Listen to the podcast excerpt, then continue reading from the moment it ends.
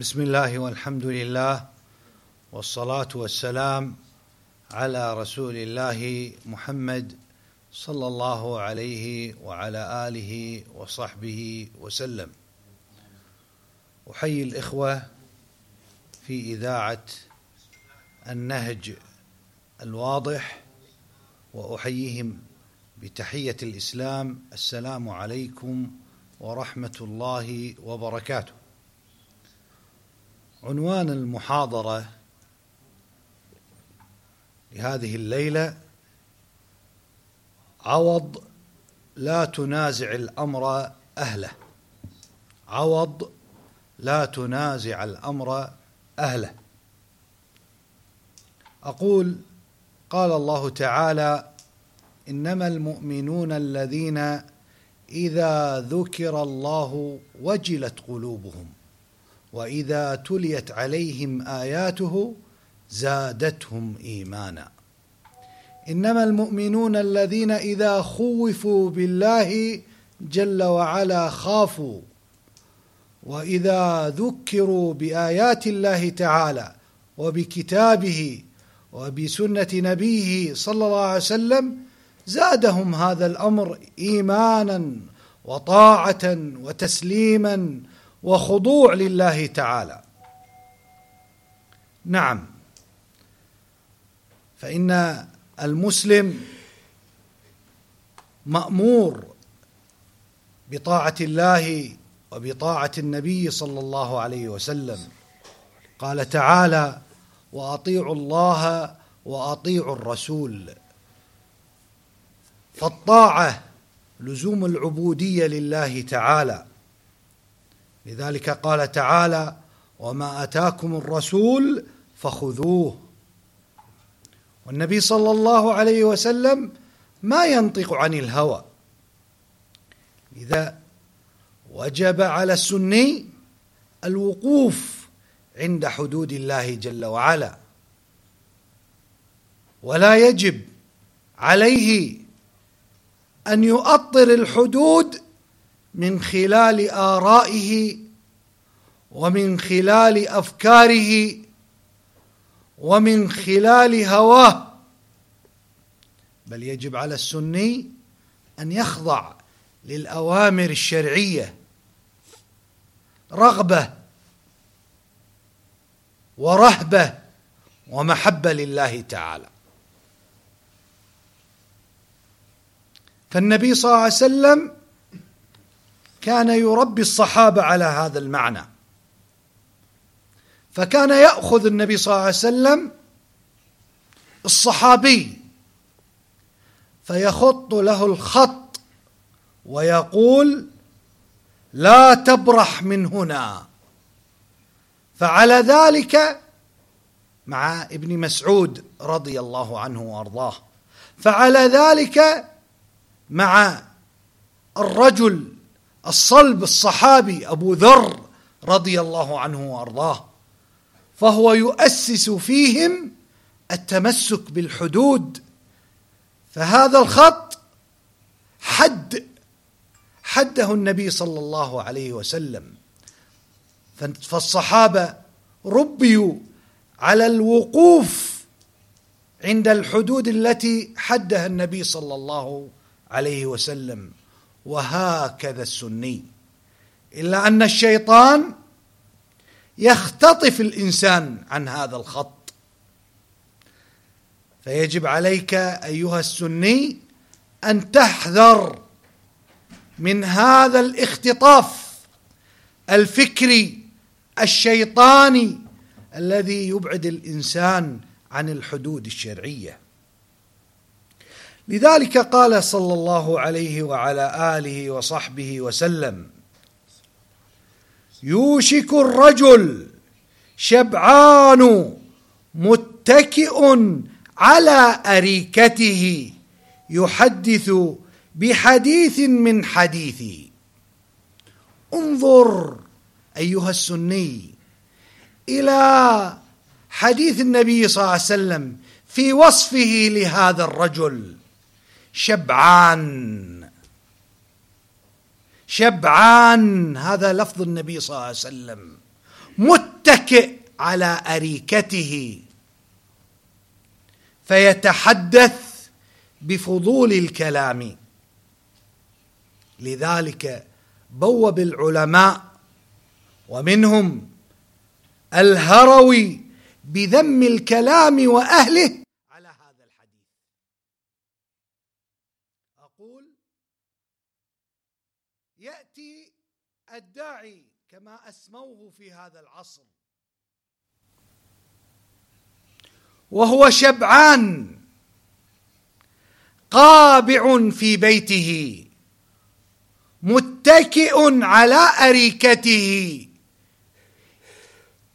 يصدر الأوامر على وسائل الإعلام بآرائه العسكرية. إنها حرب وهي حقيقية قائمة وجند الإسلام هم الذين في المواجهة تحت ازيز الرصاص ولهيب النار وهدير ودوي الطائرات والقاذفات وأصوات القنابل والمدافع وبين الجبال والركام وبين الأرض والسماء فيأتي آتي كأمثال عوض القرني. فيسطر في رسائله عبر تويتر بتوجيهات للقادة وبتوجيهات للجندي في أرض المعركة وهو قابع في بيته عند أهله وعياله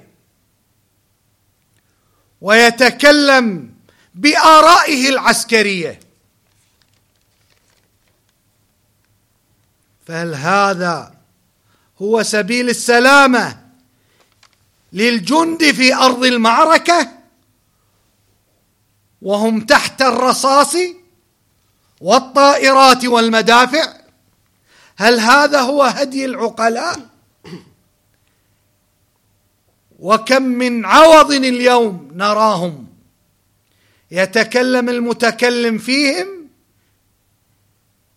وهو يرشد ولي الأمر والقادة ذوي الاختصاص والعلم والمعرفة بعدم الدخول في معركة برية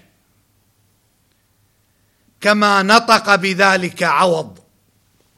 فيقول بالحرف الواحد الحكمة تقتضي تجنب إدخال قوات برية سعودية لليمن. من أنت؟ وكيف لك أن تتكلم في أمر ليس لك ليس لك فيه أمر؟ لا شرعا ولا عقلا.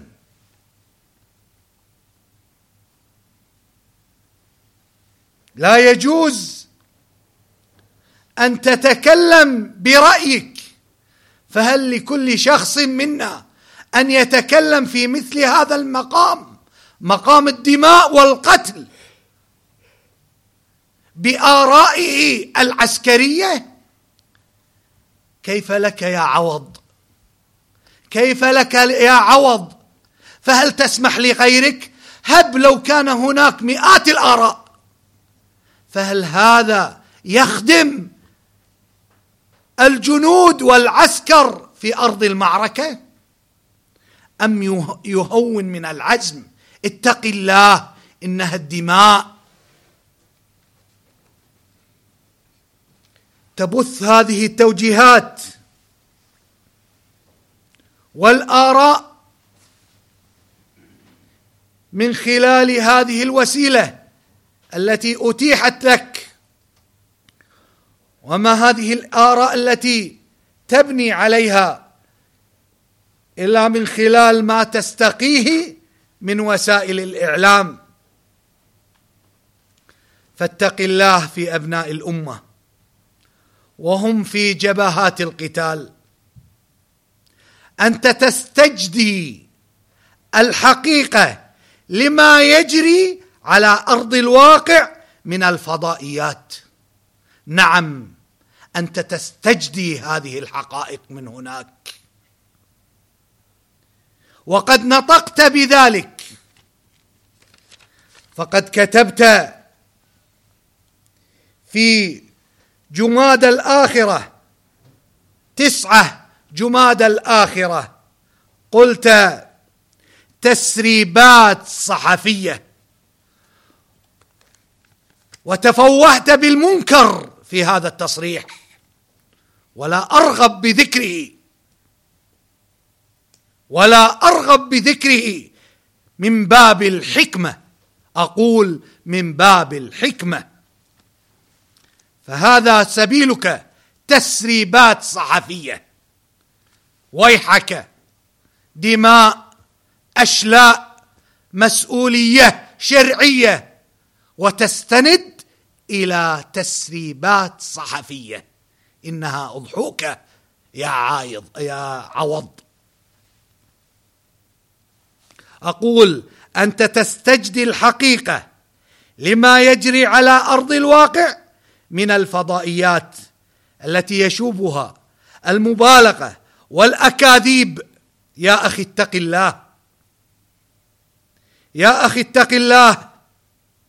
إذا كان هذا القتال مشروعا وهو كذلك كما قال العلماء كما افتخ كما أفتى المفتي والشيخ الفوزان والشيخ ربيع والعلماء بذلك فهنا يوكل الأمر إلى ولي الأمر. هنا يوكل الأمر إلى ولي الأمر. ولا يجب لك ولا لي ولا لغيرنا من عامة المسلمين أن يتكلموا في ذلك. بل هذا خذلان خذلان لإخواننا في أرض المعركة لأن هذا الأمر يزعزع اليقين هذا الهدي يا عوض يزعزع اليقين ويورث الريبة والضعف وهناك ولي أمر وهناك قائد لهذه المعركة وهو الملك سلمان. وفقه الله إلى كل حق. ومن ينوب عنه في هذه المعركة. أقول هذا المسلك الذي سلك عوض قد أورث هذا النهج وهذا الخوض بل هو التعدي على ولي الأمر. حتى بلغ في بعضهم أن يرشد الجندي في أرض المعركة بل ويضع الخطط العسكرية. هذه هي الفوضوية ونقص العقل. بل يجب على المسلم السني أن ينتصر على هواه. وشهوة المشاركة في الأحداث. بل لا يجب على المسلم السني أن يستسهل مثل هذا الخوض في هذه الأمور فإنها منازعة. وقد بايعنا النبي صلى الله عليه وسلم أن لا ننازع الأمر أهله. هكذا السني. لا ينازع. ما دام هذه المعركة كما نعتقد نعم بأنها مشروعة انتهى الأمر. يوكل الأمر إلى أهله إلى ولي الأمر. لذلك على السني تأليف الرعية ومنع الشائعات. هكذا عقيدة السني. فإذا أثبتنا الأوصاف العامة التي أنيط بها القتال وهي واضحة وقد أفتى بها العلماء وجب على السني أن يمسك هذا اللسان. فمن حسن السمت في هذا المقام الصمت. فمن حسن السمت في هذا المقام مقام المعركة والدماء الصمت. إن قرار الحرب المشروع مسؤولية ولي الأمر. لذلك من عقيدة أهل السنة كما ذكر ذلك الطحاوي ونرى الجهاد مع أئمتنا وولاة أمرنا. ونقف هنا. أمر الدماء أمر عظيم. فلذلك يجب على طالب العلم ويجب على السني الحث على التوبة والاستغفار وعمل الصالحات وترك المحرمات وتأليف الرعية على ولي الأمر ومنع الشائعات. هكذا نهج السني. ولنتذكر هدي الأكابر. ولنتذكر هدي الأكابر في المعارك السالفة كتحرير الكويت. كيف كان العلامة ابن باز رحمه الله والعلامة ابن عثيمين رحمه الله ومن الأحياء الشيخ ربيع بن هادي والشيخ الفوزان فهل كان هديهم ما يصنع هؤلاء؟ لا والله إنه العبث نعم يحرر المسألة فيتكلم فيتكلم المتكلم منهم بالحكم الشرعي فيقول هذا قتال مشروع. نعم مسائل الدماء يرجع إلى العلماء الأكابر. هكذا هدي السني لا يتكلم مثلي بل نستند في النوازل إلى العلماء. فننظر كيف صنع ابن باز في المعارك وكيف صنع الشيخ ابن عثيمين أما هذه الطريقة التي أصبح فيها الداعي جنرال عسكري. نسأل الله السلامة.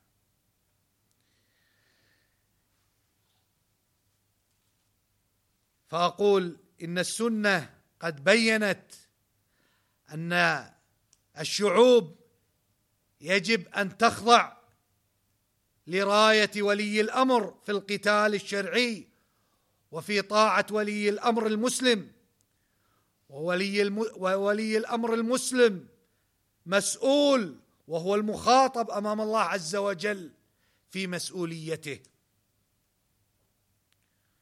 فإذا كان الأصل كما قلت أصل القتال مشروعا فما بقي من أمور فما بقي من الأمور فهي موكلة. إلى من؟ إلى ولي الأمر.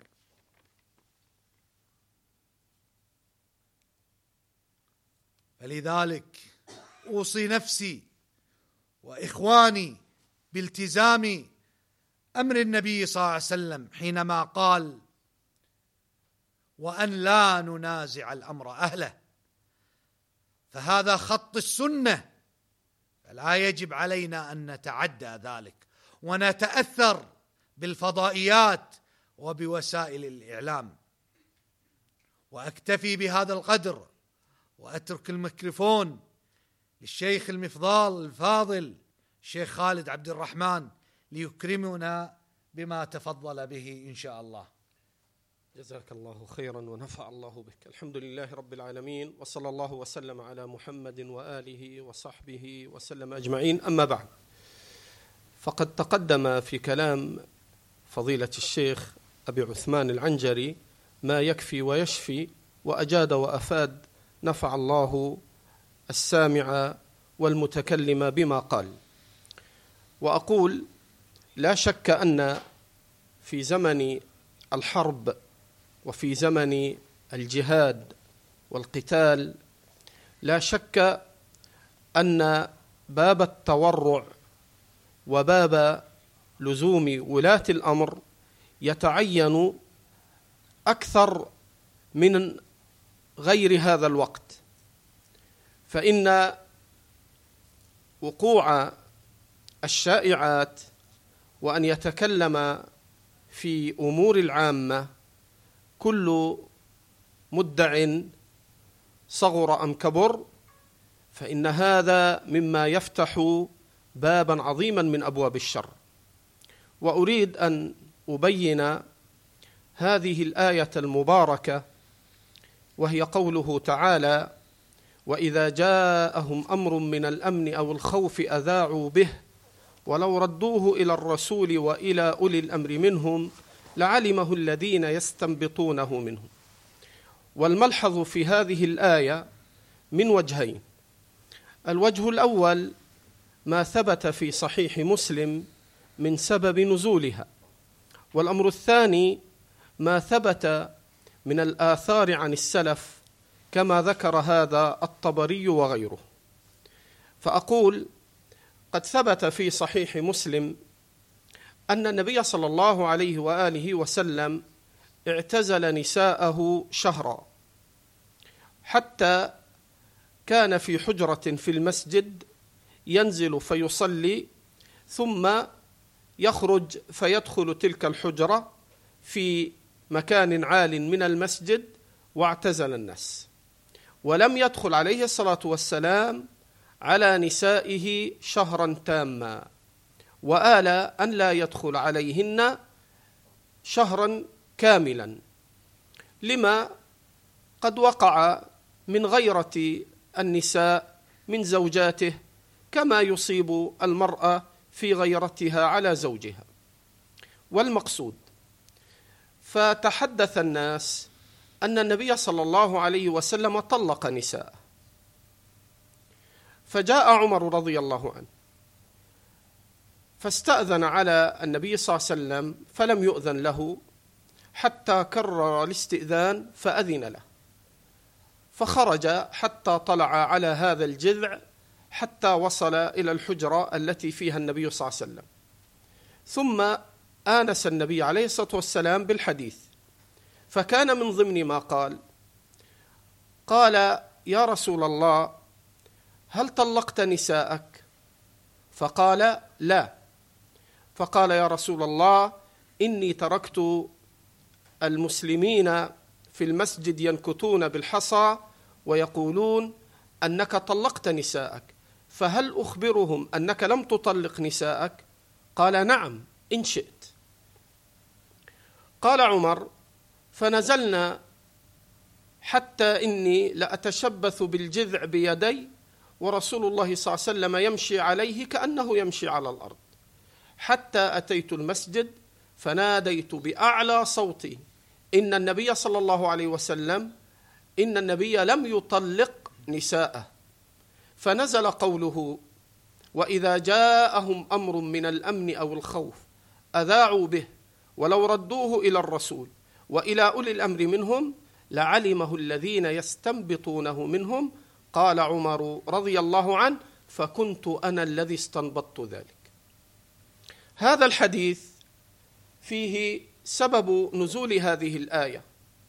وكما يقول علماؤنا علماء التفسير وعلماء الأصول أن العبرة بعموم اللفظ لا بخصوص السبب. فننتقل إلى الملحظ الثاني وهو فهم السلف لهذه الآية المباركة. فقد أخرج الإمام الطبري في تفسيره عند هذه الآية عن جماعات كثر من أئمة التفسير عن قتادة بإسناد صحيح وعن آه، غير قتادة كابن جريج رحمه الله وعن جماعات من أئمة السلف ممن عرفوا بالتفسير وتواترت وتضافرت أقوالهم في المعنى في تأويل هذه الآية. قالوا وإذا جاءهم أي جاء للمسلمين أمر من الامن من الأمن. قالوا أي أمن المسلمون في سراياهم من عدوهم وغلبوا عدوهم. وأمنوا من شر عدوهم في قتالهم وفي جهادهم. وإذا جاءهم أمر من الأمن أي من أمن السرايا من أمن المسلمين في سراياهم في جهادهم في غزواتهم أو الخوف أو جاء أمر من الخوف على السرايا في القتال وما حصل لهم من الضرر الذي أصابهم من عدوهم. فإذا جاء أمر من الأمن فأمن المسلمون في سراياهم وغزواتهم وقتالهم مع العدو أو أو الخوف جاء أمر من الخوف من تعرض السرايا لضرر من العدو أذاعوا به. أي بثوه ونشروا ما وقع في القتال. مما كان من أمر الأمن من غلبة المسلمين على عدوهم أو أذاعوا الخوف مما أضر المسلمون به من من عدوهم. وإذا جاءهم أمر من الأمن أو الخوف أذاعوا به. ولو ردوه إلى الرسول وإلى أولي الأمر منهم. قال الطبري فيما نقل رحمه الله عن طائفة من السلف أولو الأمر قال ولو رد هؤلاء المتكلمون الذين أذاعوا أمر الأمن مما غلب المسلمون عدوهم وتحقق لهم الأمن أو مما حصل للمسلمين من ضرر وقع عليهم من عدوهم ولو ردوا ذلك قبل أن يذيعوه إلى الرسول حتى هو الذي يخبر. وحتى هو الذي يحدثهم بذلك وحتى يأذن لهم بذلك.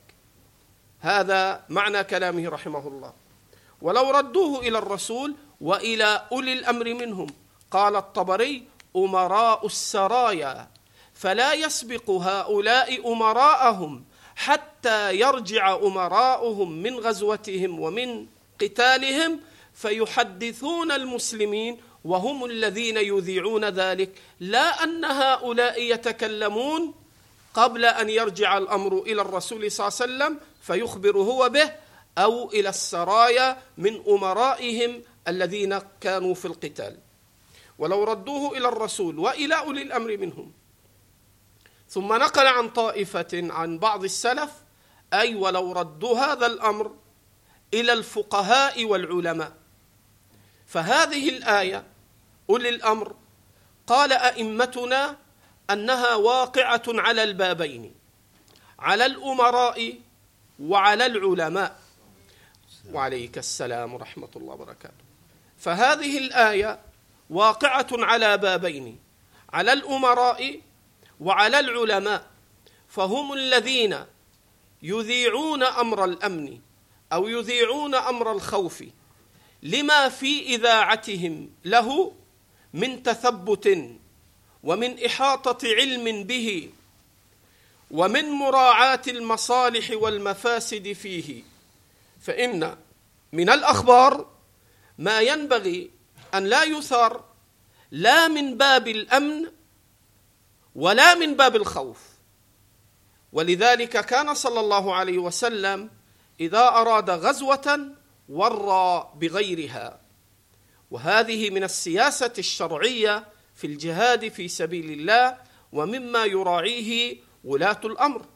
فقد يكون الأمر من الأمن فلا ينشر. لما تقتضيه المصلحة من تأخر البيان والخبر.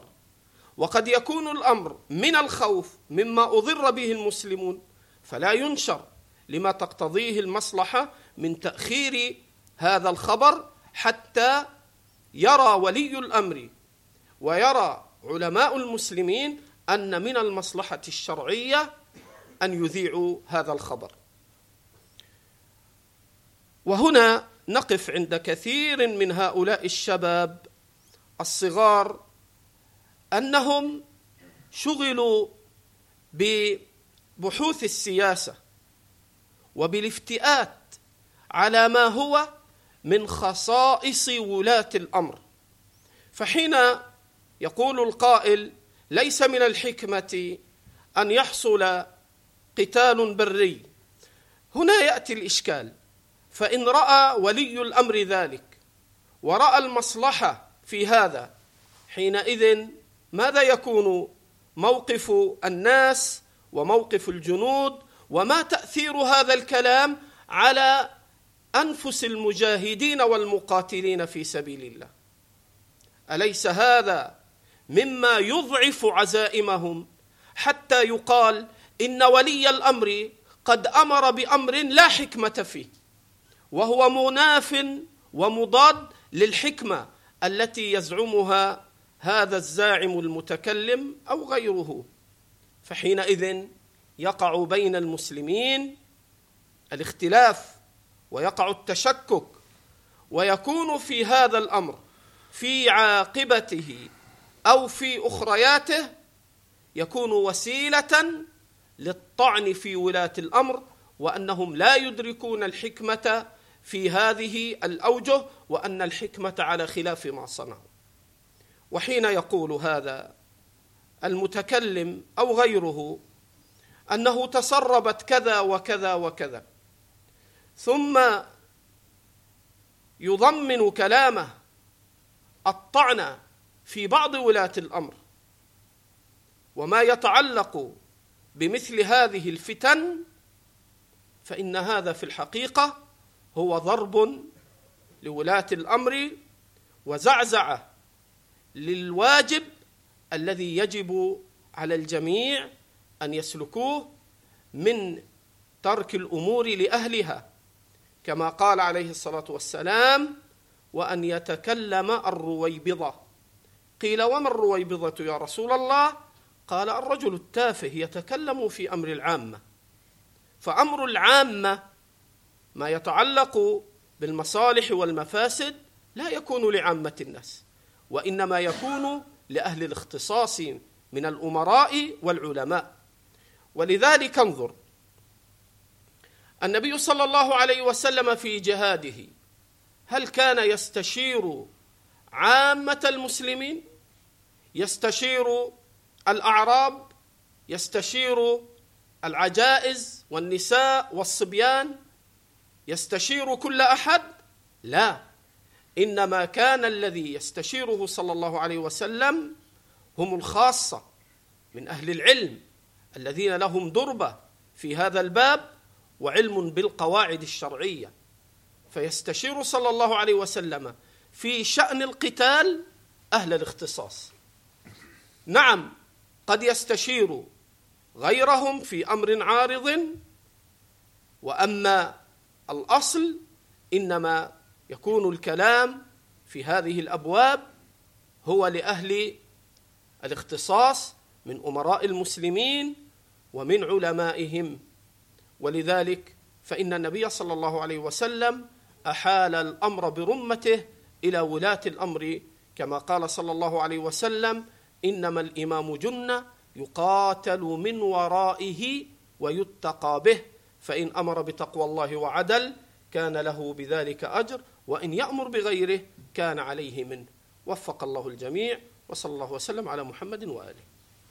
جزا الله الشيخ. خير الجزاء على ما تفضل به والغاية من هذه المحاضرة نصيحة نفسي وإخواني أهل السنة في كل مكان بالإمساك وعدم الكلام والخوض في المسائل التي تخص ولاة الأمر. وهذه مسؤولية شرعية يجب أن يتنبه الإنسان لها. وفي النهاية الحمد لله رب العالمين وجزا الله شيخنا شيخ خالد خير الجزاء على ما تفضل به.